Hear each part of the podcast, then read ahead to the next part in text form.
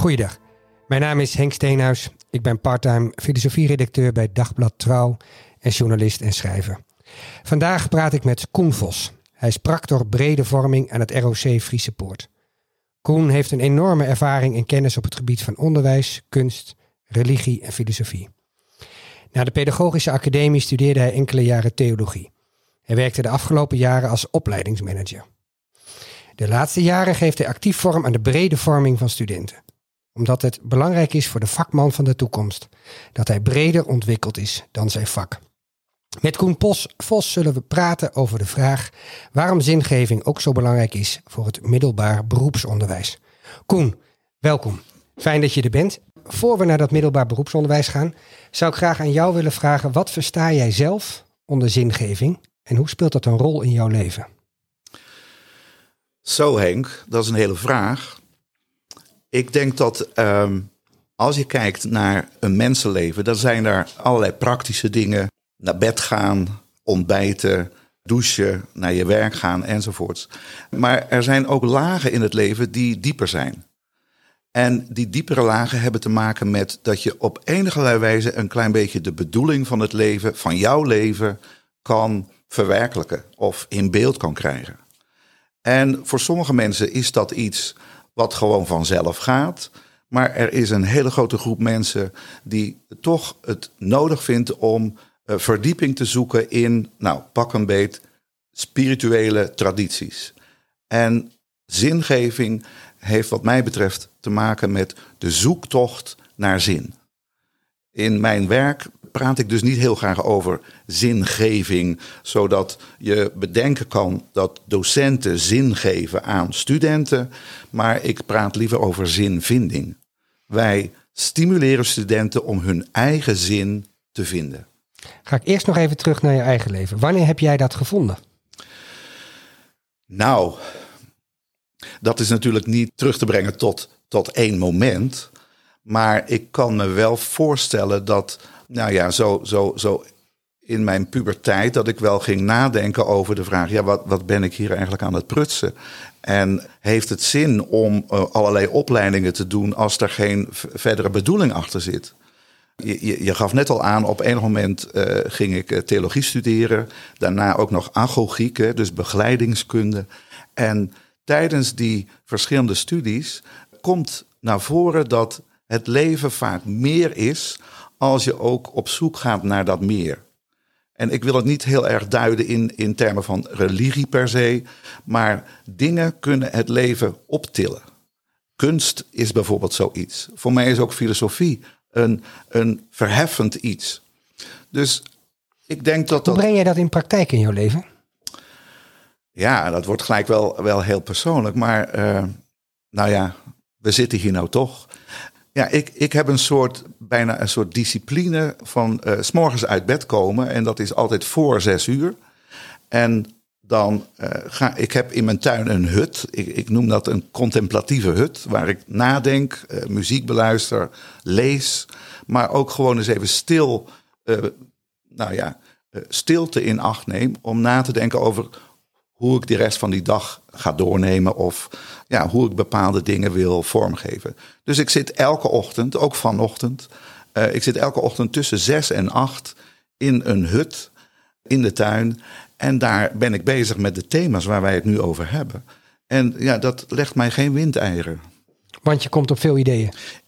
Kom op veel ideeën en ik schrijf daar ook. Uh, of ik luister naar uh, verhalen van andere mensen. Er gebeurt die twee uur van alles waar ik heel de dag profijt van heb.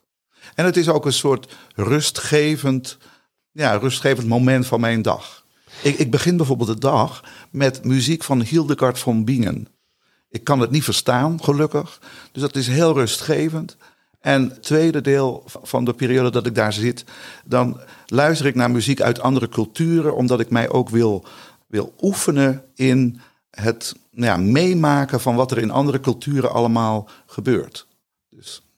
En dan ben je ook practor brede vorming. Dus je werkt ja. met studenten en ja. die leer je dat ze een contemplatiehut in hun tent moeten bouwen en dan de muziek van Hildegard van Bingen gaan luisteren. Nou ja, dat zou dus zingeving zijn. Hè?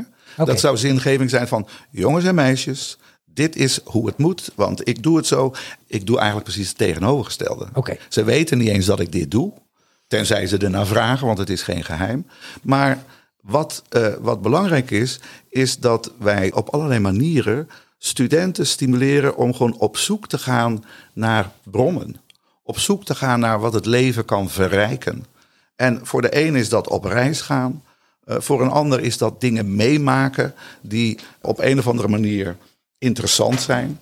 Dus ik denk dat, dat het goed is om te beseffen dat als je met studenten werkt, eh, dat het erom gaat dat je niet jouw idee zeg maar, projecteert op die eh, studenten, maar dat je, zoals vele denkers beweerd hebben, dat je zegt: hé, hey, kijk daar eens, misschien is dat voor jou interessant. En dat, dat betekent dus dat ik mensen meeneem naar het theater, naar musea, naar, wat mij betreft, een klooster of wat dan ook. En dat zijn MBO-studenten. Ja, En die zijn geïnteresseerd in theater. Nou, ik kom net bij, bij een bijeenkomst vandaan. Dat zijn mensen die in theater gaan werken. Hè. Dus een, een, ik sprak net met een lichttechnicus en een geluidstechnicus. En ik nodig hen uit om opnames te komen maken van een happening die ik aan het organiseren ben op eh, de eerste dag van de 40 dagen tijd.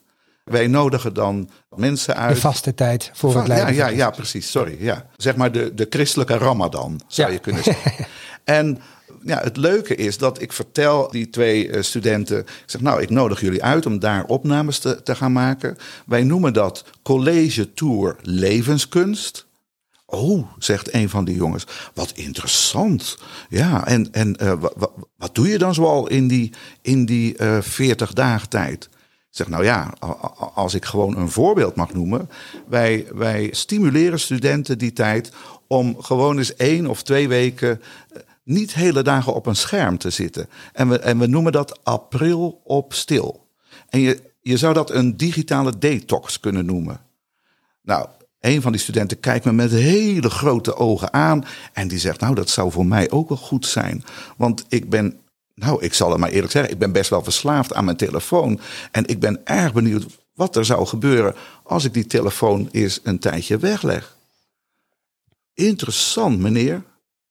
Zo- Dus zo zo'n het. digitale detox Ja. past in het idee van zinvinding. Zeker, zeker. Want kijk, het leuke is dat je niet alleen maar een idee aan de hand doet. Het idee is overigens, ere wie ere toekomt, eh, dat komt van de Bildung Academie uit Amsterdam. Eh, Hans Schnitzler, misschien ken, ken je hem, maar die Ja. heeft een leuk boek geschreven over digitale detox en experimenten met studenten. Nou, zo'n experiment doen wij dan ook in, in Friesland. En dan zie je, na zo'n periode ga, ga ik met eh, studenten in gesprek, dan zie je dat er allerlei dingen gebeuren die ze anders nooit hadden meegemaakt. Zoals? Nou, bijvoorbeeld eh, een student zei, en dat is alweer enige tijd geleden, maar die zei: Ja, ik ben brieven gaan schrijven, want ja, ik, ik had tijd over en ik denk, laat ik dat eens proberen. Een hele markante opmerking van een student was ooit: Ja, ik, ik had zoveel tijd over en op enig moment dacht ik. Misschien is het wel een leuk idee om eens een keer een gesprek met mijn vader te voeren. Want wij kijken altijd tv en dan zit ik boven te gamen. En nu had ik tijd om gewoon eens een gesprek met mijn vader te voeren. Nou, je kunt, dat, dat is dus niet hoog verheven, dat is niet abstract. Maar dat gaat over alledaagse concrete dingen. Gewoon contact in het huis waar je bent. eh, Contact maken met elkaar, dat, dat idee. Ik wil toch nog even een stapje terug. Jij zegt, hè, ik ben, of jij bent practor brede vorming. Ja. Dat breed zie ik wel zitten in dat gesprek met die vader. Maar waarom moet een loodgieter leren gesprekken te voeren met zijn vader? Of een timmerman? Ja. Of een verpleegster? Ja, nou, ik denk dat je dan iets moet weten van eh, eh, het ROC waar ik werk. Wij hebben een soort idee dat wij studenten niet alleen opleiden voor een diploma. Wij leiden studenten op voor het leven. En het werk, het werk is een onderdeel van het leven. Maar wij, wij hebben geen hyperfocus op werk, arbeid en wat je nodig hebt om, om dat uit te voeren. Met andere woorden, wij hebben niet een focus op de kwalificatie. Hè? Dus iets kunnen om een beroep uit te voeren.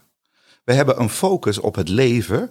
En ja, misschien ken je de beste man, René Gude, die had ooit het idee dat uh, het leven bestaat uit een aantal levenssferen. En hij, Zoals? Nou ja, hij gebruikte, dat was uh, volgens mij een trucje van hem, maar hij gebruikte woorden die allemaal met een P beginnen.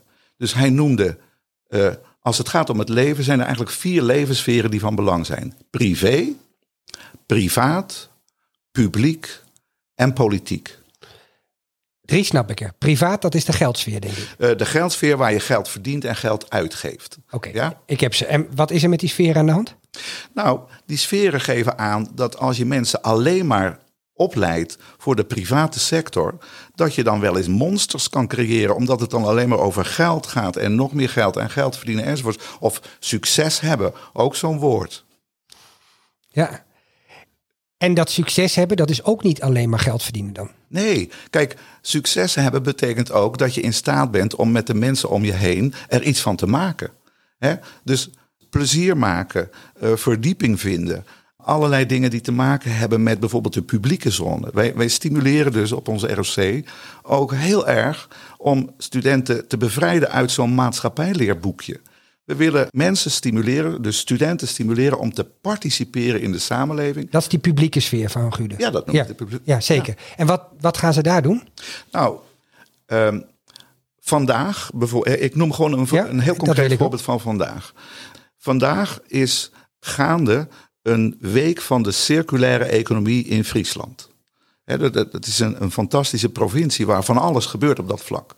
Studenten van de afdeling horeca die gaan dus ergens in uh, een, een, een dorp in, in, in Friesland, gaan ze voedsel wat normaal weggegooid wordt, gaan ze bereiden tot hele nou, voedzame maaltijden en daar gaan ze uh, dingen mee doen. Dus er is een hele happening in buitenpost is dat. Er is een hele happening gaande, waardoor studenten het idee krijgen, hey, er is meer dan werken in een restaurant. Er is ook een buitenwereld waar ik een rol van betekenis kan spelen.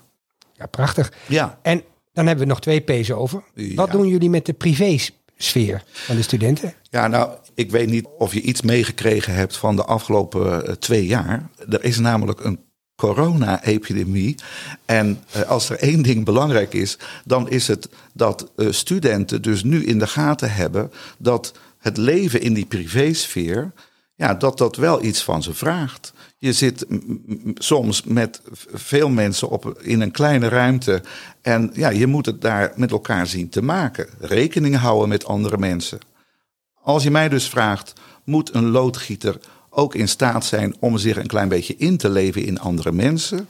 Nou, krijg jij maar eens een loodgieter op bezoek die geen rekening houdt met jouw huis, met je huisgenoten, met het feit dat je beter niet op jouw witte vloerbedekking je laarzen aan kan houden enzovoorts. Wij gaan er op het ROC van uit dat het fantastisch is om fantastische goede werknemers uh, af te leveren. Of misschien wel mensen die een eigen bedrijf beginnen. Maar er is meer dan die private sector waar je geld verdient en geld uitgeeft. Mooi, hebben we er nog één over, die politieke sfeer. Ja. Wordt daar ook in getraind? Zeker, die... zeker. Kijk, uh, klassiek gezien is er het woord maatschappijleer. Wij noemen dat burgerschapsvorming. Vorming is sowieso een heel belangrijk gegeven in het MBO. Maar wat nu bijvoorbeeld gebeurt, is dat studenten mee gaan helpen om uh, stembureaus in te richten, met, met mensen daar in gesprek te gaan. Dus er is een uitwisseling aan kennis, uh, mogelijkheden om te participeren. We denken met studenten na over ja, wat is er voor jou van belang? Welke keuzes maak jij in je leven? En dat zijn allemaal dingen ja, die op enige wijze toch iets met zinvinding te maken hebben. Welke koers is voor jouw leven van belang? Die, die, die vraag stellen we vaak. En hoor je ook wel eens wat terug van die studenten, hoe ze dat vinden? Want dat is niet gebruikelijk. Gebruikelijk word je gewoon opgeleid, opgeleid tot timmerman, ja. tot kok, tot ja. verpleger. Ja. Nou ja, als ik bijvoorbeeld het gesprek met die twee studenten van vanmorgen, als ik die gewoon de vraag stel: hoe, hoe vonden jullie van dit gesprek? Want we hebben het over dingen gehad, over jouw privéleven. Een van de uh, studenten die, die ging op mijn vraag van: en hoe ben je zo gekomen tot dit vak?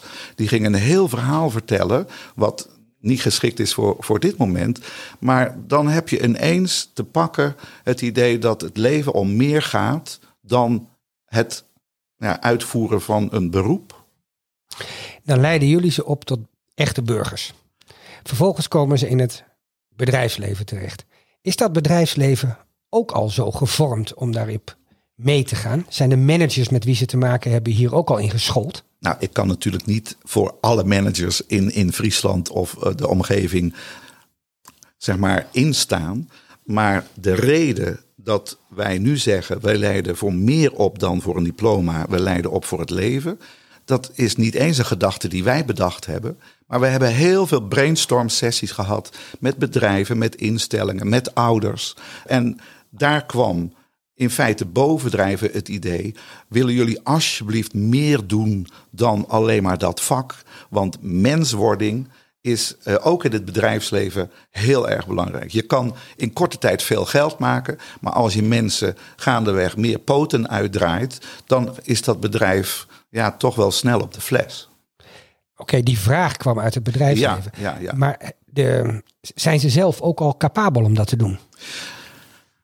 Ja, ik, ik kan natuurlijk niet voor alle bedrijven spreken, maar wij hebben ook. Het klinkt mij, laat ik zo zeggen, toch nog wel origineel in de oren, laat ik het zo zeggen. Ja, ja, ja. Alsof het nog niet overal die mens helemaal centraal nou, staat. Ja, er is bijvoorbeeld uh, door een, uh, een bedrijf uit Amsterdam, Youngworks, is onderzoek gedaan naar wat, heb, wat heeft de nieuwe generatie nodig om zich prettig te voelen uh, als ze voor het eerst in het bedrijfsleven nou ja, hun, hun, hun talent laten zien dan blijkt dat de wensen van studenten, namelijk meedoen, gezien worden, bijdragen kunnen leveren, ideeën ook kunnen spuien enzovoort. Daar zijn niet alle bedrijven nou ja, even succesvol in. En het is goed om ook met het bedrijfsleven, met instellingen, maar ook met publieke partners, om gewoon het gesprek gaandeweg meer aan te gaan op dit thema. Gaan jullie dat gesprek ook met universiteiten aan of met hogescholen? Nou ja, wij, wij functioneren wel vaak in, in groepen waar mensen van allerlei opleidingen en opleidingsniveaus elkaar tegenkomen. Ik, ik was deze week, uh, het is vandaag donderdag. Donderdag. Ik was gisteren uh, op een conferentie uh, waar ik ook over dit thema een, een verhaal mocht, mocht houden. En daar, daar waren mensen van het ministerie, van universiteiten, van HBO's en van MBO's. Die waren zeer geïnteresseerd in, in deze manier van denken. Dat, dat opleiden meer is dan ja, iemand een, een diploma geven voor, ik noem maar wat, het vak econometrist. En gaan ze er dan nog mee aan de slag? Ja, wat ik zie in Nederland is dat die behoefte om hiermee aan de slag te gaan, die groeit. In Amsterdam uh, is, is een aantal jaar geleden een initiatief ontstaan vanuit studenten. En dat initiatief heet de Bildung Academie. Dat is een academie die in feite door studenten bedacht is omdat ze dit verhaal, wat wij nu met elkaar hebben, misten op hun universiteit. Nou, dat idee is zich aan het uitrollen in Nederland. Dus er zijn, er zijn meer experimenten op dit vlak dan wij soms weten. Nog even terug naar Gude. Jij zei hè, dat is een inspiratiebron van mij geweest. Zeker. Als we het over zingeving hebben, wordt dat vaak toch iets gezien als van het hoofd. Mm Je zei net, kunst kan daar ook een rol bij spelen. Zeker. Sport ook. Doen we eerst kunst. Goed. Kun je eens, kijken, kun je eens vertellen op welke manier jullie dat hebben geïntegreerd in je opleiding? Het is niet in alle opleidingen geïntegreerd. Hè? Nee, ik dus- vraag dat omdat wij een keer een verhaal in de krant hebben gehad over een empathieavontuur, als ik me goed ja, herinner. Klopt, ja, Volgens mij is empathie ontwikkelen een van de kernpunten die ja. je. Ja, ja. Kun je daar iets over vertellen? Want ik herinner me dat toen als heel boeiend. Ja, nou, dat was inderdaad een avontuur wat wij met honderden studenten hebben gedaan. En dat was gebaseerd op een boek uh, van de School of Life, een van de oprichters van de School of Life. En dat is een boek waarin verschillende stappen getoond worden hoe je tot empathie kan komen. Maar Empathie, nou, even voor de duidelijkheid, het onderscheidt zich van iets als sympathie. Ja. Bij sympathie probeer je mee te leiden met de ander. Ja. Bij empathie probeer je hem te begrijpen. Te begrijpen of in te leven in het bestaan van die ander of de situatie van die ander. Nou, het is uh, goed om uh, ons te realiseren dat zo'n empathieavontuur voor veel uh, MBO-studenten wel een spannende aangelegenheid is. Want dat boek waar ik net over sprak, met als titel Empathie, hoe verrassend, dat boek Empathie uh, hebben we dus met theatermakers omgezet tot een avontuur voor studenten. En dat avontuur heeft op verschillende studenten zeer veel impact. Kun je iets vertellen over de inhoud van het avontuur, praktisch? Ja. Wat moesten ze doen? Nou ja, wij hadden uh, voor dat avontuur, en wij zitten hier op de vijfde verdieping van een, van een groot gebouw. En ik kon met de lift naar boven. En die lift, dat, dat, dat was van de maker Otis, of het bedrijf Otis. Wij zaten in een leegstaand pand destijds van de liftfabrikant Otis. En de directeur van dat bedrijf die gunde ons een leegstaand pand om van allerlei theatrale effecten voor te bereiden, zodat we dat empathieavontuur konden organiseren. Studenten kwamen binnen. Zij konden meemaken het idee dat ze van allerlei dingen op een scherm zagen. Ja, je moet het je voorstellen als een soort Efteling-achtige reis die studenten maakten door dat pand. Daar waren acteurs aanwezig. Ze moesten zelf reageren. Ze kregen opdrachten. En de finale van dat hele avontuur, die bestond uit het idee dat alle studenten, en dat zijn er eh, een stuk of 500 geweest toen, uh, alle studenten die gingen op zoek bij, of op bezoek bij iemand in de omgeving van dat pand. En dat waren mensen die ja, bij het gemeentehuis werkten. Dat waren miljonairs, dat waren mensen die van de voedselbank leefden enzovoorts. En ze gingen in tweetallen op bezoek bij mensen die ze niet kenden. En daar konden ze ervaren wat het is om je in te leven in iemand die je niet kent. En dan toch ook een gesprek te voeren. Dus onderdeel van het empathieavontuur waren ook workshops die ze konden volgen. Hè? Dus zij werden ook getraind in, nou ja, als je dan niet meer weet wat je moet zeggen, waar kan je dan over beginnen met wildvreemde mensen? We hadden ze ook een soort ANWB-pakket gegeven. Hè? Als ze het niet meer wisten, hadden ze kaartjes in hun broekzak van pak er maar één en dan gaat het gesprek wel weer verder. Maar dat idee, je vroeg uh, even geleden, van heb je dat kunnen verwerken in het curriculum? Nou, dan kom je uit bij het volgende. Niet elke docent is even vaardig om dit soort dingen ook met studenten te doen. Hoe vonden ze het? De student of de docent? Nee, de studenten. De studenten. Best wel eng, denk ik, als je bij een wildvreemde naar binnen moet en je bent niet getraind om gesprekken te voeren. Precies. Maar eng wil niet zeggen dat je het niet moet doen. Nee. dus uh, in feite kun je zeggen, het, de vaardigheid empathie, of het, nou ja, zeg maar, het kunnen inleven in een ander is een vaardigheid. Dat is urgent. Maar hier zat ook enige excitement bij. Mensen vonden het eng, maar ook wel weer spannend leuk. dus, want er was een hele grote aankleding van dat hele gebouw. We hadden daar alles uit de kast gehaald om uh, het voor studenten ook op een leuke manier spannend te maken. En we hebben alle studenten ook bij terugkomst aangeboden om gewoon eens even met ze in gesprek te gaan. Wat heb je hiervan uh, gevonden? Hoe kijk je daarop terug? En uh, zouden we dit volgend jaar weer moeten doen met, met een nieuwe generatie studenten? Nou, stuk voor stuk zeiden ze: het is, het is echt heel bijzonder. Dit moeten jullie erin houden.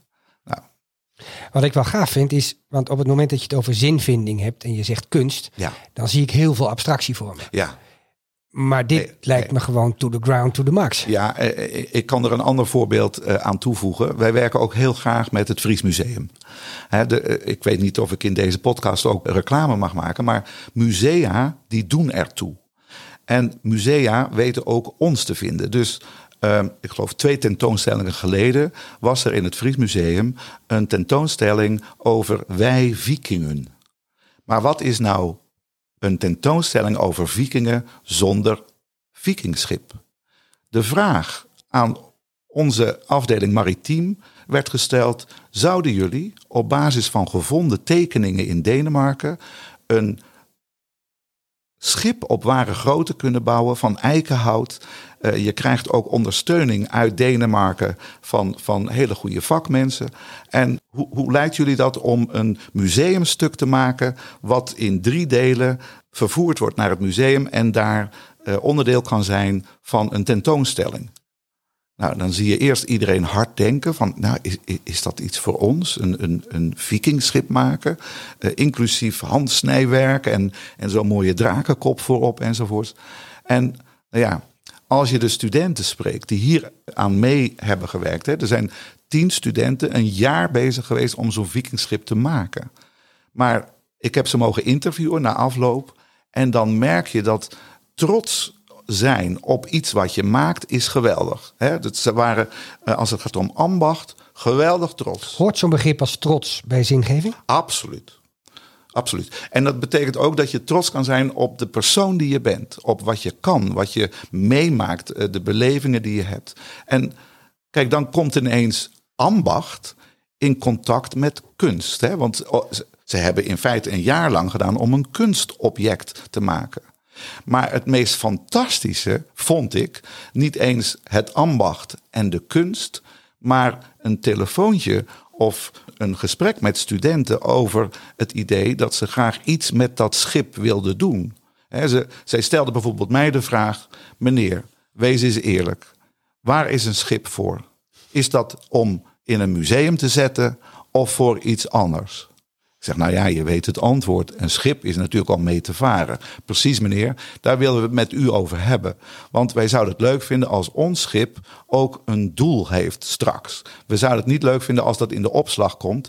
Wij hebben een idee om dat schip ter beschikking te stellen aan kinderen die een ernstige ziekte hebben en die één of twee keer per jaar naar Friesland komen om uh, op de Friese meren een, een vakantie te vieren. Wij zouden wel bemanning willen zijn. Meneer, wat vindt u van dat idee? Tering, dat is wel heel goed zeg.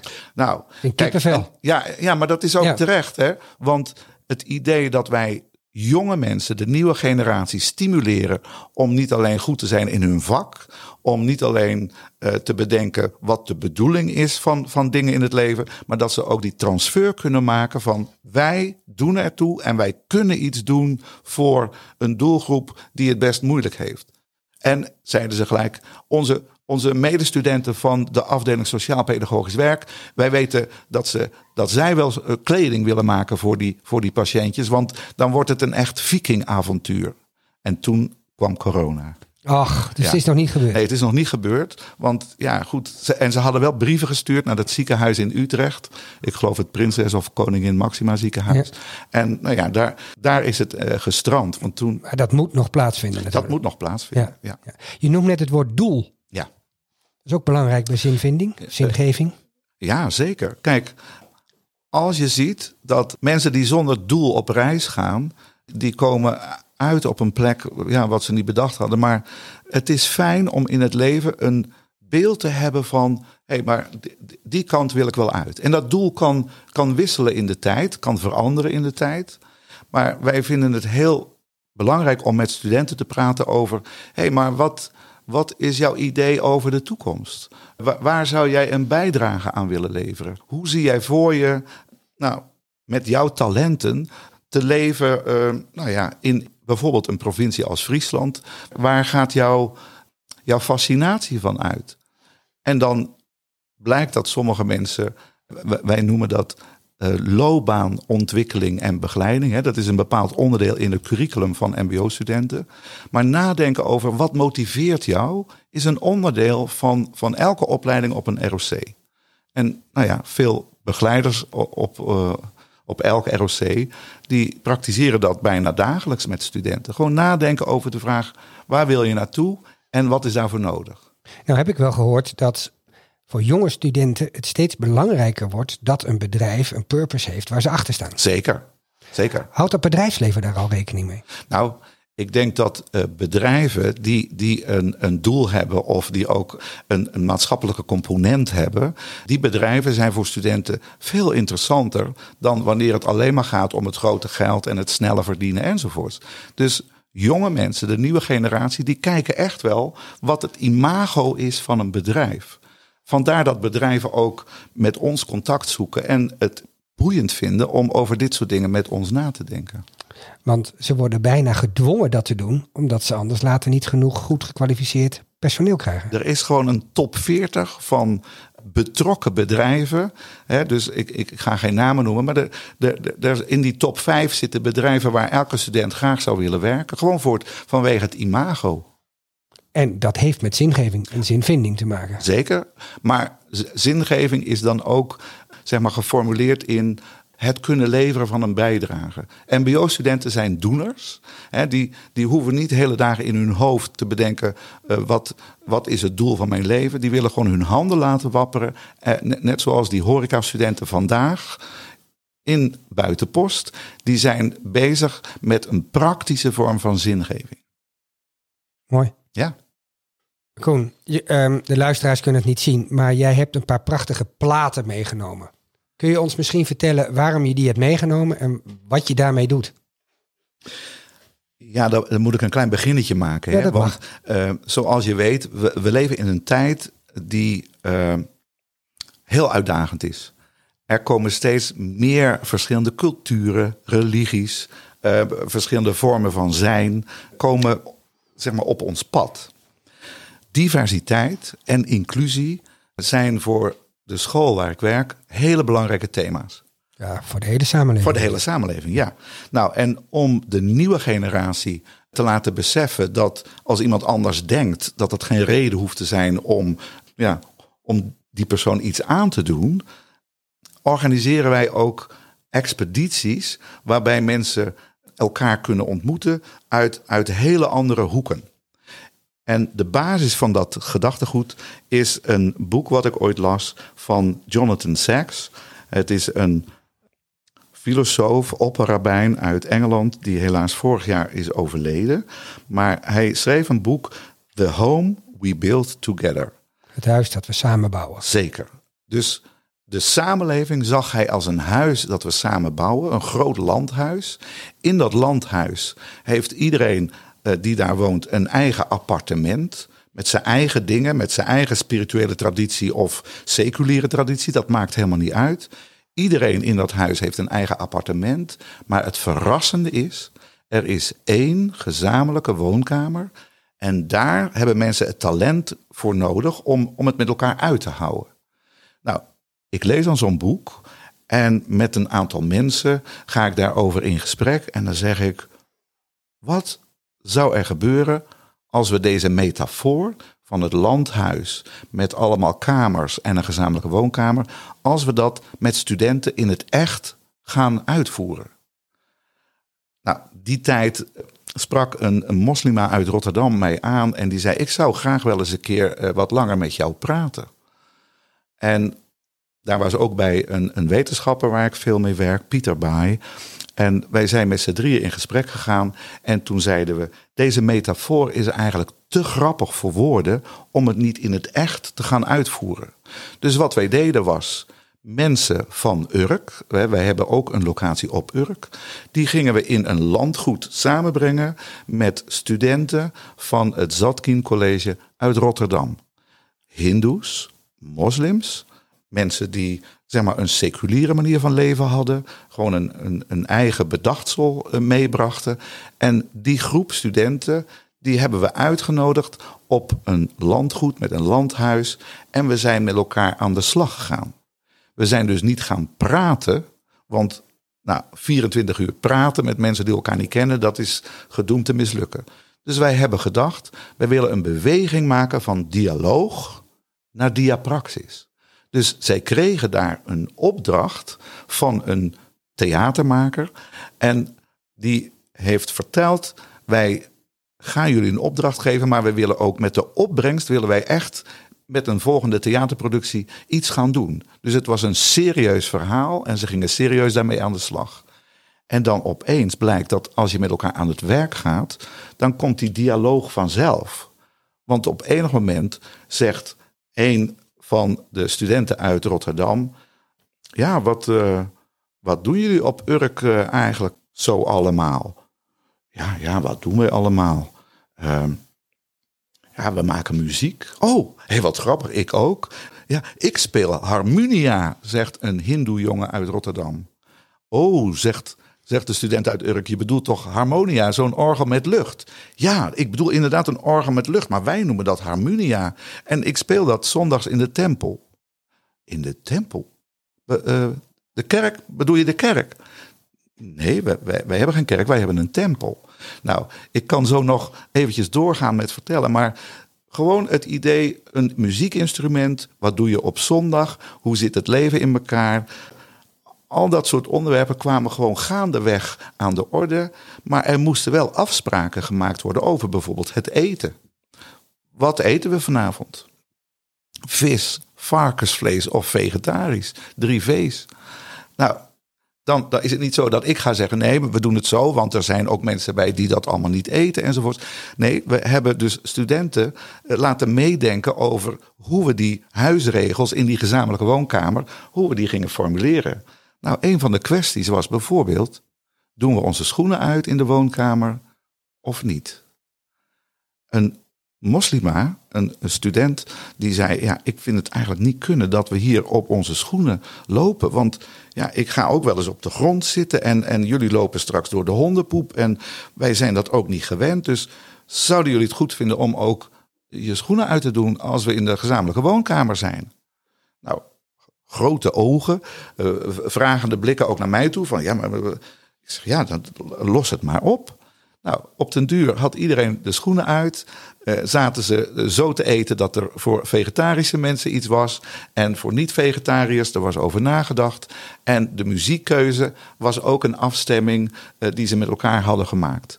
Dus als wij de nieuwe generatie leren dat je in je eigen woonvertrek je eigen gedachten kan hebben, je eigen ideeën enzovoorts.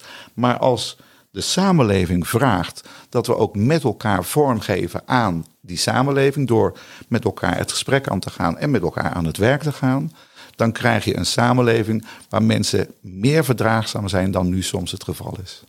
Prachtig. Toen wij begonnen dacht ik, zingeving, dat is iets abstracts, ja. hoog in de hemel. Ja. En uiteindelijk gaat het over vegetarisch eten en je schoenen uitdoen. Ja, precies. Meer naar de grond krijg je het natuurlijk. Nee, nou ja, maar dat is ook grappig dat mensen dan wel uh, na een tijdje gaan vragen aan die ander. Maar hoezo? Of wat betekent dat dan? Of waar haal je dat idee vandaan? Dus ze laten elkaar muziek horen die, die ze nog nooit gehoord hadden. Dus opeens krijg je een, een muziekinstrument te horen met geluiden, toonsoorten enzovoorts, die mensen van Urk eh, niet zo vaak aanzetten op Spotify of wat dan ook. Hè? Maar dan krijg je toch dat mensen interesse krijgen in elkaar en, en dat ze aan elkaar vertellen, nou, ja, ik ben het niet gewend, maar ik vind het eigenlijk best wel mooi. Wat jij maakt of uh, wat jij doet of wat jij eet enzovoorts. Dus daar zit ook iets van empathie in. Hè? Dus dat je mensen gaandeweg leert dat hoe een ander leeft, hoeft niet fout te zijn. Het is alleen een beetje anders. Om dus je brengt ze ook gewoon bij elkaar. Ja, dat is uh, het idee. En het leuke is, hè, dat, dat gebeurt met, met meer experimenten die we uitvoeren. Nu kwam er recentelijk een verzoek om dit concept, hè, dus de samenleving is een landhuis met verschillende appartementen en een gezamenlijke woonkamer. Uh, er kwam een, een, een, groep collega's naar mij toe en die zei: Wij zouden dat eigenlijk willen toepassen op een internationaal project. Wij krijgen straks uh, Finse studenten en Nederlandse studenten.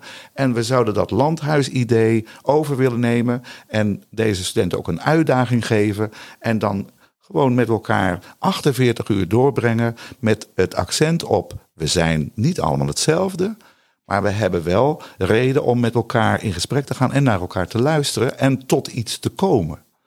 Dus binnenkort, ik geloof in, nou ja, over een maand, gaat de, eerste groep internationale studenten met, met dit verhaal ook verder. Koen, ik dank je wel voor dit gesprek. Ik vond het heel mooi. Graag gedaan.